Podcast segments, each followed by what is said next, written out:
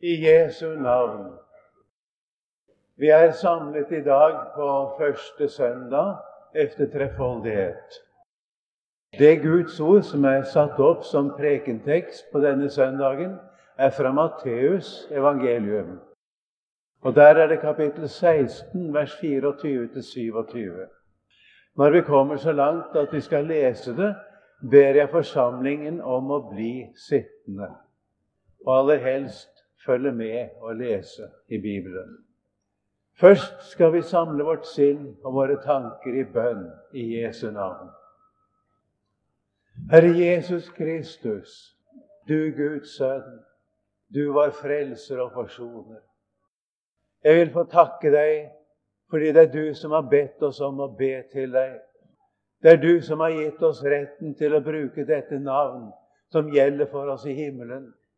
Og vi kommer til deg i ditt navn og ikke i vårt eget. Herre, jeg ber at du vil tale til oss. Jeg ber om å få være et redskap for deg, Jesus. Og at det ord som vi skal høre, at det må tale i mitt hjerte og at det må tale til dem som hører på. Jesus, vi ber om å få høre din røst og få kjenne den igjen. Herre, det kan være mange i denne forsamling som har en særlig grunn til å be om å få se deg i dag. Vi er avhengig av at du åpenbarer deg for oss. Det finnes ikke noe åndelig liv i oss, Jesus, uten at det blir åpenbart for oss hvem du er, og at du selv personlig kommer til oss i ditt ord. Derfor ber vi igjen om dette i ditt velsignede navn.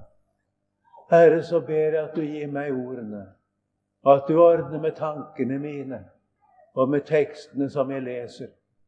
La ditt ord tale, Jesus. Amen. Det er altså Matteus 16, 24 i Jesu navn. Da sa Jesus til sine disipler.: Vil noen komme efter meg, da må han fornekte seg selv og ta sitt kors opp og følge meg. For den som vil berge sitt liv, skal miste det. Men den som mister sitt liv for min skyld, skal finne det. For hva gagner et menneske om han vinner den hele verden, men tar skade på sin sjel?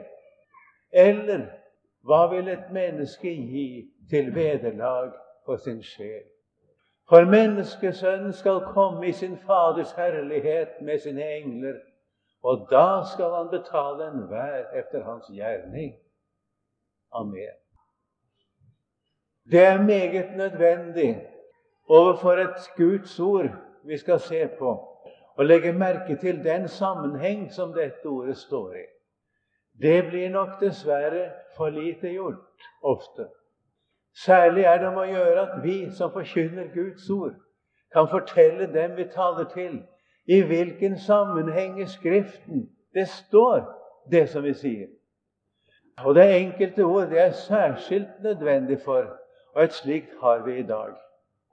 Det er sagt mange ting til mennesker og til kristne ut fra dette ord, som vel er helt stikk imot det som Jesus egentlig mener med dette ordet, og det som han vil legge oss på hjertet. Og la oss benytte oss av det løftet som Jesus har gitt, at Gud gjerne gir Den hellige ånd til alle som ber om ham i, det, i Jesu navn. For vi trenger Guds hellige ånd for å forstå det som er oss gitt av Gud. At både du og jeg, vi sukker sammen om Den hellige ånd til å forstå dette ordet. Sammenhengen er meget tydelig. Jesus har nettopp forutsagt sin lidelse og død. Du kan se det i Matteus 16 fra vers 21. Først hører vi foran der igjen hvordan Peter bekjenner du er Messias, den levende Guds sønn.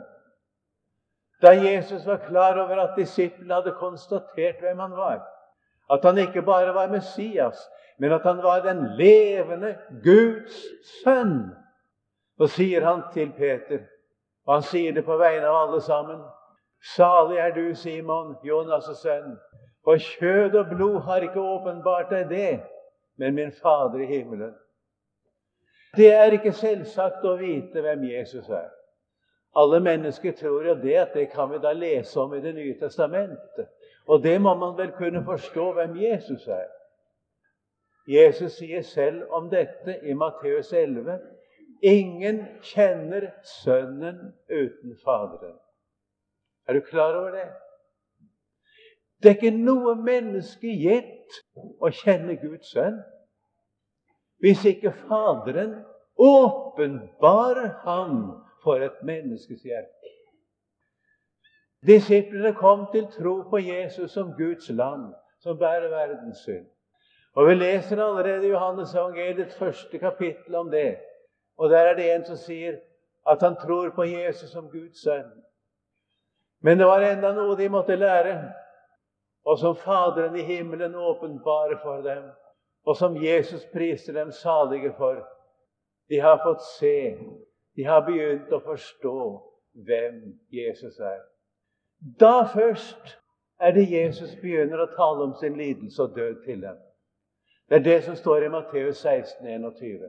Fra den tid, ikke før, men fra den tid da det var klart at Faderen i himmelen hadde åpenbart for apostlene hvem Jesus egentlig er.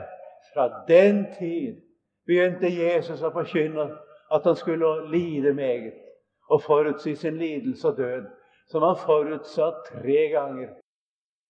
Da Jesus sa dette, at han skulle lide og dø, da protesterte Peter. Da syntes han dette gikk for vidt. Messias Guds sønn, lide og dø på et kors som en forbryter. Det fikk være grenser. Det protesterte han mot. Og så sier han, 'Herre, dette må ingenlunde vederfares deg.' Og da svarer Jesus, du vet det, du som leser Bibelen, 'Vik bak med Satan.' For plutselig var han som bekjente Jesus som Guds sønn, et redskap for Satan. Han protesterer mot Jesu lidelse og død. For å svare på denne protesten er det Jesus sier det som vi leser i ord i dag. Da står det Det var da Peter protesterte mot Jesu lidelse og død. Da var det Jesus sa til sine disipler. Vil noen komme etter meg, da må han fornekte seg selv og ta sitt kors opp og følge meg. Og Det ord skal vi komme tilbake til igjen om en liten stund. For å forstå hva det er Jesus egentlig sier oss i dag, så skal vi ta utgangspunkt i de to spørsmålene som han stiller her. Han spør disiplene om noe. Hva gagner et menneske om han vinner den hele verden, men tar skade på sin sjel? Forstår du hva det spørsmålet betyr? Om et menneske oppnår alt som han har satt seg som mål her i verden. Om et menneske blir lykkelig, som vi sier Om han vinner alt en kan ønske seg, hva hadde han oppnådd når han tar skade på sin sjel? Sjel er et underlig ord i Skriften. Det er et hebraisk ord som ligger bakom her. Første gang vi møter det, er da Gud skapte mennesket. Da blåste Gud livet sånn inn i mennesket, og mennesket ble til en levende sjel, står det. Det betyr egentlig det som vi kaller en levende person. Mennesket blir et jeg, en person. Dette personlivet er ikke knyttet til legemet. Det er noe selvstendig i forhold til legemet, og det kommer til å leve videre også når det er skilt fra legemet. Gud skal danne et legeme først, og så blåste han livets ånd inn i det. Og mennesket ble til en levende person. Et jeg. Ofte hører vi at sjelen fremstilles som noe særskilt verdifullt og i forhold til legemet. Men mennesket er jo en helhet. Og det som skjer ved legemet, det angår i høy grad sjelen. Og det som egentlig spørsmålet gjelder, er hva gagner et menneske om man vinner den hele verden, men tar skade på seg selv? Eller som det heter hos Lukas om han mister seg selv. Vi mennesker får intet gratis her i verden. Vi må betale. Og det er særlig én ting vi må betale dyrt, og det er all vår selvhevdelse. All trang til å være noe, til å gjelde for noe, til å komme seg opp og frem.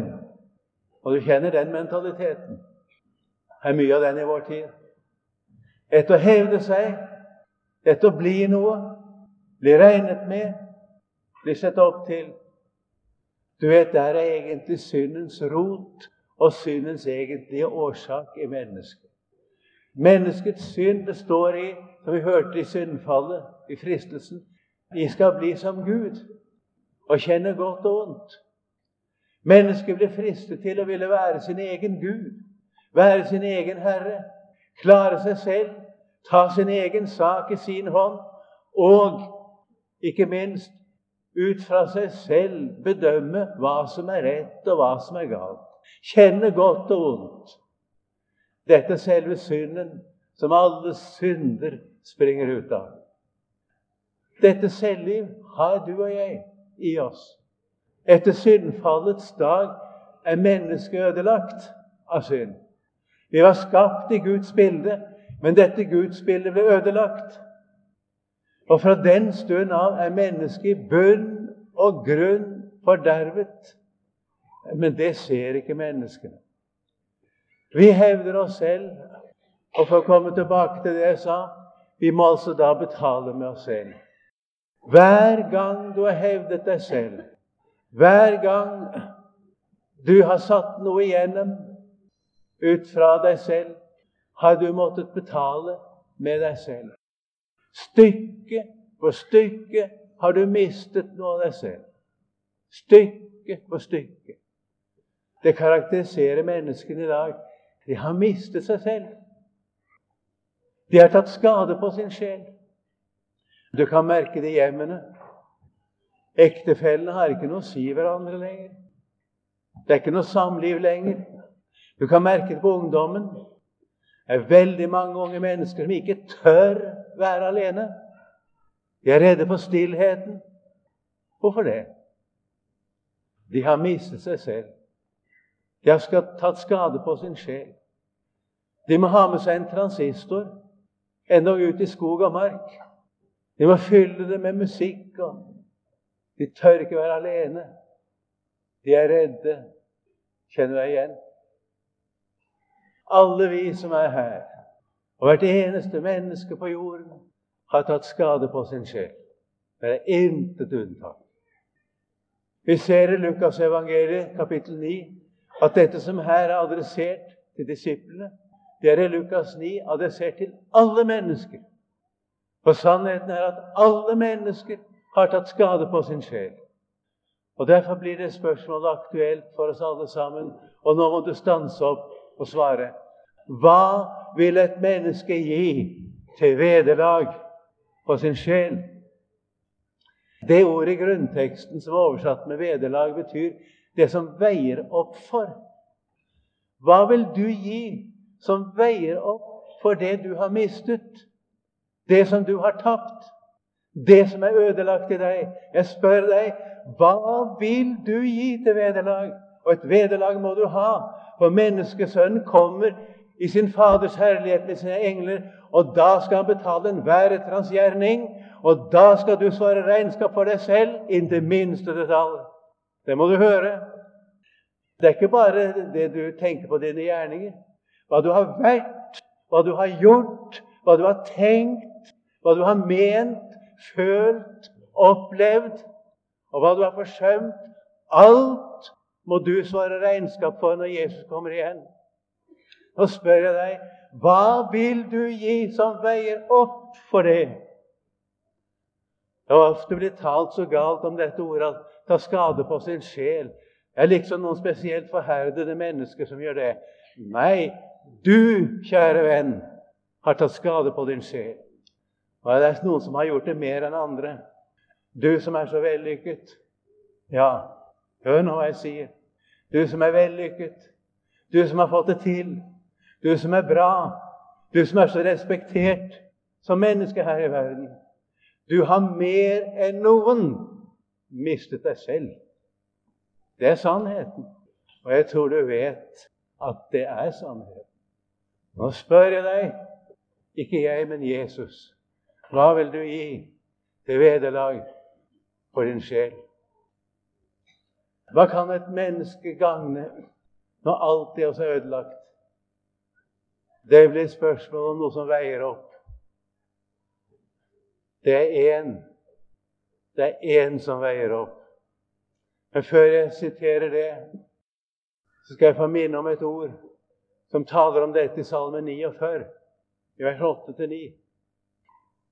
En mann kan ikke gi vederlag for sin bror. En mann kan ikke utløse en bror. Han kan ikke gi Gud vederlag for ham, for deres livs utløsning er for dyr. Og han må avstå derfra til evig tid. Så han skulle leve, bli ved å leve evinnelig og ikke se graven, For det. En mann kan ikke utløse en bror. Han kan ikke gi Gud vederlag for ham. Det finnes ikke et menneske på jorden som kan hjelpe et annet menneske. Når det er spørsmål om det som veier opp for oss, så finnes det ikke noe menneske, noe sted, som kan hjelpe et annet menneske. Vi er prisgitt døden, dommen og straffen fordi vi har mistet oss selv på grunn av vår synd. Derfor var det Jesus kom. Derfor var det Guds sønn måtte bli menneske. Det er én, én eneste som har utløst oss, Guds egen sønn. Derfor måtte han lide og dø. Guds sønn. Han er vederlaget. Han er den som veier opp for oss. Dette protesterte Peter mot, og dette protesterer menneskene mot i dag òg. Men det er Jesus som veier opp for oss, og ingen annen. Og Vi leser om det også i Matteus 20, 28. Menneskesønnen er kommet ikke for å la seg tjene, men for selv å tjene og gi seg selv til løsepenge istedenfor de mange, står det der. Vårt livs utløsning er Jesus. Hans død har fridd oss fra våre synder. Og da Jesus døde, da kjøpte han oss fri fra det gamle mennesket som er i oss, sier Guds ord. Alt det som jeg er i meg selv, har Jesus kjøpt meg fri fra. Ikke bare det som er åpenbare synder, men overhodet alt som kommer fra mitt selvliv. Også det som ser pent ut. Og det skal jeg bekrefte, som han som åpnet her, sa. Er det noe vi må frelses fra, så er det sannelig det beste i vårt liv. Og blir vi ikke frelst fra det, så blir vi ikke frelst. Det er sikkert. Men Gud være lov og takk det er det som er evangeliets budskap til oss i dag. Vi har fått et vederlag. Vi har fått en som veier opp for oss. Det har skjedd en betaling, en utløsning av et menneske. Guds egen sønn. Derfor måtte han lide og dø. Og dette har han fullført. Da Jesus døde, da ble du og jeg kjøpt fri fra det gamle mennesket som er i oss. Det er der. Det er ikke dødt i oss. Men dette gamle mennesket det ble korsfestet med Jesus på korset. Da Jesus døde, da døde vi i Guds øyne bort fra det gamle mennesket. Vårt gamle menneske ble korsfestet med ham, står det i Romerne 6,6. Apostelen Paulus vitner og sier, 'Jeg er korsfestet med Kristus'. Jeg lever ikke lenger selv, men Kristus lever i meg. Og det liv jeg nå lever i kjødet, dvs. Si som menneske her i verden, det lever jeg i troen på Guds sønn, som elsket meg og ga seg selv istedenfor meg. Hører du det? Og Nå kan vi gå tilbake til det ordet vi leste. Da sa Jesus til sine disipler Vil noen komme etter meg, da må han fornekte seg selv og ta sitt kors opp og følge meg. Har du tenkt deg dit hvor Jesus er? Til himmelen. Og dit har jeg sannelig tenkt meg, ja, for Jesus skyld. Og det har vel du også. Vi kommer ikke dit hvor Jesus er. Hør det, kjære venner, og ikke minst dere unge. Ingen kommer dit hvor Jesus er, uten at han fornekter seg selv og tar sitt kors opp og følger Jesus. Hva er det å fornekte seg selv? Vi kan jo spørre hva gjorde Peter da han fornektet Jesus? Da sa Peter, 'Jeg kjenner ikke det mennesket'. Eller for å si det helt nøyaktig, 'Jeg vil ikke vedkjenne meg det mennesket'. Da fornektet han Jesus. Det skulle han ikke ha gjort, nei. For da fornektet han jo det evige liv. Men overfor det gamle mennesket Jeg fornekter meg selv. Om du f.eks. lar være å spise noe godt som du har lyst på, så fornekter du ikke deg selv. Om du fornekter deg en og annen ting du kunne så inderlig ønske å gjøre det eller være med på det, men du lar det være. Du har allikevel ikke fornektet deg selv om du gjør det. Det er ikke spørsmål å fornekte seg ditt og datt, skjønt det kommer også inn i bildet. det er ikke det. Men spørsmålet er har du fornektet deg selv. Hele ditt selvliv. Jesus har kjøpt meg fri fra dette livet. Med alle dets lyster og begjæringer og storhetstrang. Med dets uærlighet og uredelighet. For det er vi alle sammen av naturen. Vi er ikke til å stole på noen av oss av naturen. Hvert menneske er en løgner, sier Guds ord. Og verken du eller jeg er noe unntak fra det. Vi er så hykkelske og falske. Er det noe du ikke kan stole på i denne verden, så er det et menneskes ord. Du ser vel det i politikken. Menneskene er ødelagt nettopp fordi de har mistet seg selv, tatt skade på sin sjel. Slik er jeg. Slik er du. Og dette går igjen i alle ting. Det er dette jeg må fornekte. Så må jeg si jeg kan ikke vedkjenne meg Øyvind Andersen. Denne Øyvind Andersen, sånn som han er av naturen, sånn som jeg er av naturen, han er fordervet, han er ødelagt. Men jeg har fått et nytt liv. Jesus tok bort mine synder. Derfor har jeg fått syndernes forlatelse hos Gud. Han tok bort mine synder. Og så har jeg fått et nytt liv. Og dette livet er i Jesus. Kristus, vårt liv, kalles det i Kolossensene 3-4. Jesus er mitt liv. Og det står i Johannes første brev at Gud har videt om sin sønn. Og der står det at den som har Sønnen, han har livet. Jeg har fått et nytt liv. Jesus ga meg det. Og for å gi meg det måtte han dø min død. Den dom, den straff som jeg fortjener, og som jeg måtte få, den tok han istedenfor meg. Så får jeg syndenes forlatelse hos Jesus. Så får jeg det evige liv. Og så er Jesus selv mitt liv. Derfor må jeg ta mitt kors opp og mitt kors er det korset som Jesus døde på. Jeg har blitt sagt så mange ting om kors.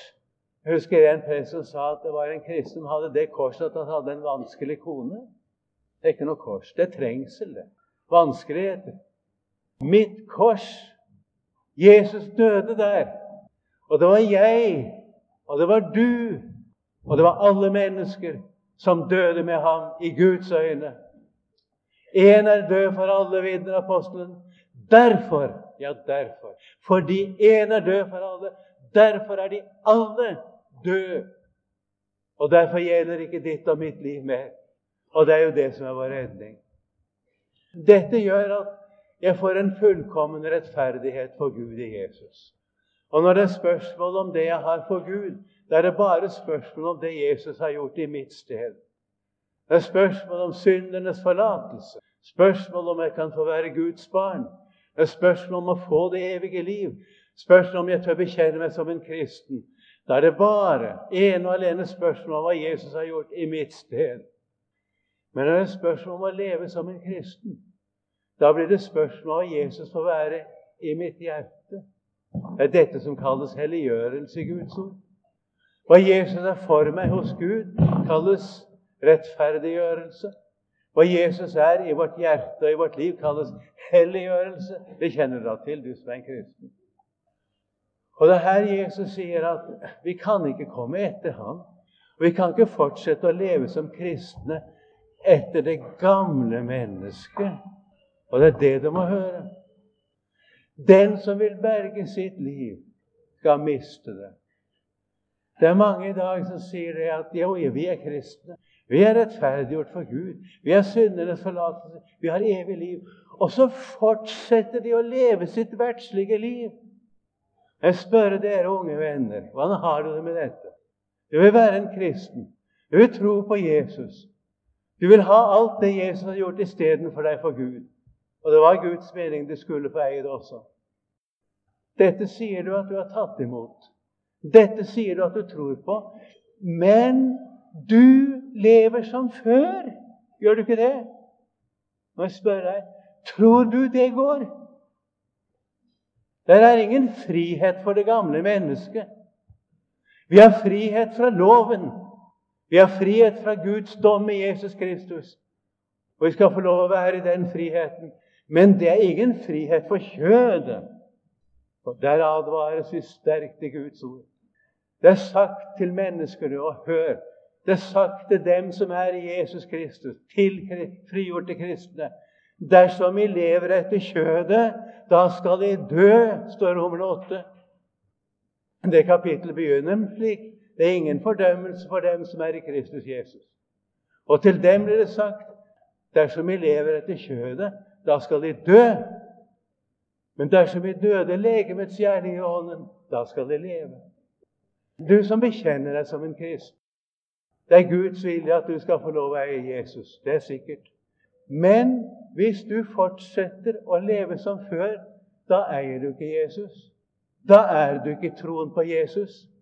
Da er evangeliet en teori og ikke liv for deg. Ikke sant? Jeg spør deg Du lever som før.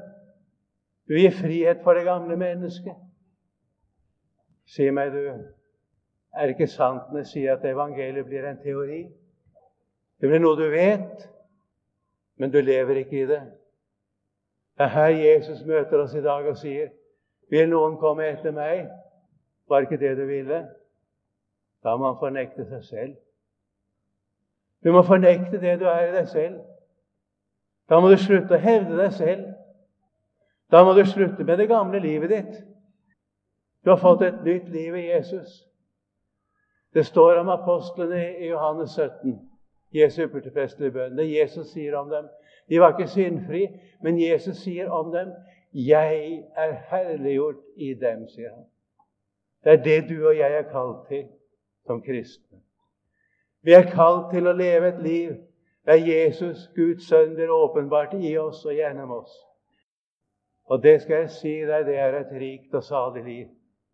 Bli meg, så blir jeg i eder, sier Jesus. Men hvordan skal Jesus kunne bli i oss hvis vi fortsetter å leve etter det gamle mennesket? Den som vil berge sitt liv, han kommer til å miste det. Det er noen spesielle ting jeg kunne ha lyst til å nevne. Du blir fornærmet. Det er en veldig farlig ting. Du skal hevde dine rettigheter. Det er veldig farlig, du, når vi selv skal hevde vår egen rett. Det er mange som sier det. Ja, men når jeg har rett Jeg må da vel kreve å få min rett? Ja, du kan kreve å få din rett, men da lever du ikke med Jesus lenger.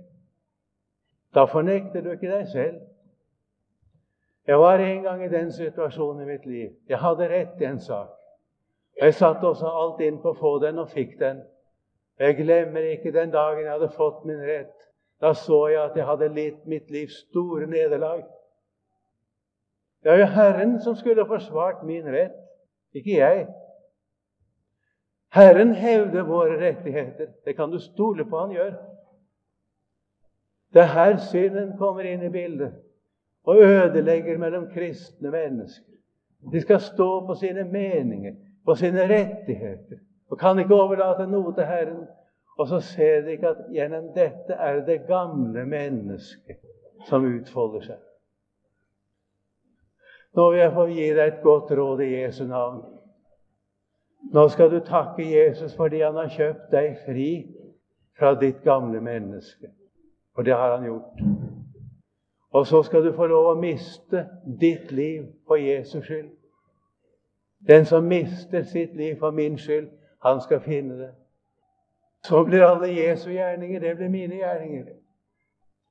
Og jeg undrer når Jesus kommer igjen, du, og jeg på forhånd har mistet mitt liv, da kommer Han igjen, som er mitt liv.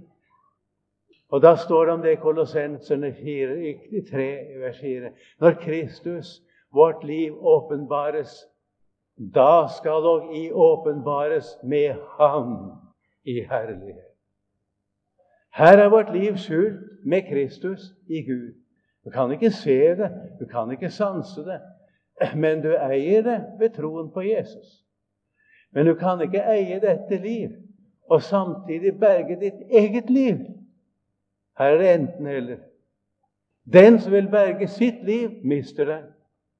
Men den som mister sitt liv for min skyld, han skal finne det. Så spør jeg deg hva er det du velger i dag? Du blir ikke noe særlig populær, det skal jeg si deg, ved å følge Jesus. Men det som trengs i dag, det er kristne mennesker som følger Jesus. Jesus taler om dette også i Johannes evangeliets 12. kapittel. Han sier at den som hater sitt liv i denne verden, skal bevare det til evig liv. Og så sier han om noen er min tjener, han følger meg. Og hvor jeg er, der skal også min tjener være. Kjære troende venner, vi må ikke følge med tiden. Det kreves av oss som kristne i dag at vi skal følge med tiden. Følg meg, sier Jesus. Og vi får som sagt ikke mye ære av mennesker ved å gjøre det. Men så sier Jesus noe. Dette må du ikke glemme. Om noen er min tjener, ham skal Faderen ære. Er ikke det nok for oss, det, da? Jeg har ingen prestisje å ta vare på, men den tar Gud vare på. Han greier det. Jeg skulle ønske jeg kunne få sagt det særlig til dere unge i dag. Tenk om du ville følge Jesus som kristen fordi du tror på ham. Ikke som en betingelse for å være en kristen, for du får alt for intet hos Jesus. Og vi blir frelst ved å ta imot alt for intet. Men du som har tatt imot Jesus, du skal da vel ikke fortsette å leve etter ditt gamle menneske? Tenk om dere unge ville følge Jesus. Og på alle livets områder. Og det er en ting jeg kunne ha lyst til å nevne spesielt, hvis dere ikke vil misforstå det. Jeg tenker på all den moderne sang og musikk som trenger inn i våre kristne forsamlinger i dag, rytmemusikken, som er meget sanselig. Den er veldig behagelig, den. Derfor er den så farlig. Den gir næring til det gamle mennesket. Og jeg har lagt merke til at når denne musikken griper i en forsamling, er det fullstendig forgjeves å forkynne Guds ord. Og det er naturlig. For det gamle mennesket som får næring. Jo da, man vil være kristen. Å jo da, man vil vitne om Jesus. Det er bare én ting. En har ikke mistet sitt liv for Jesus skyld. En vil ta imot frelsen, men en vil ikke ta konsekvensen av at en tar imot frelsen og følger Jesus. Og jeg sier dere, kjære venner, du hører det selv. Og Gud har overbevist om det i ditt hjertes innerste. Det vet jeg. Det går ikke ikke å ville være en kristen og leve etter det gamle mennesket. Det er en salighet, og det er en velsignet frihet du har fått lov å fornekte seg selv. Å vite jeg har et liv i Jesus. Dette livet, det eier jeg, og det er i meg selv. Det får jeg lov å fornekte. Jeg følger ikke meg selv. Jeg får lov å følge Jesus så kommer jeg etter ham. Og så er jeg rede til å ta imot ham. Han kommer igjen. Og så skal jeg få lov å oppleve at hans gjerninger, de er mine gjerninger på dommens dag. At han skal gi meg etter alt det som jeg gir i ham. For som sagt, når Kristus, vårt liv, åpenbares, da skal dog i åpenbares med ham. Så dette var Herrens budskap til oss i dag. Vil du ta imot det? Kjære Jesus, jeg takker deg fordi du taler alvorlig til oss, og så mye annerledes enn vi ofte tenker. Herre, takk fordi du viste meg sannheten av meg selv. Fordi jeg har fått lov å fornekte meg selv, Jesus. Skal få lov å gjøre det hver dag. At jeg hver morgen kan få begynne med dette, Jesus. Fornekte meg selv og få lov å ta mitt kors opp og følge deg. Og nå ber jeg, Herre, at tross all min hjelpeløshet til å fortelle dette, forkynne dette, du vil legge det inn i deres hjerte som har hørt på. At det kan bli et nytt liv for mange i denne forsamlingen. Så vil vi ære deg og opphøye deg, vår frelse. Amen.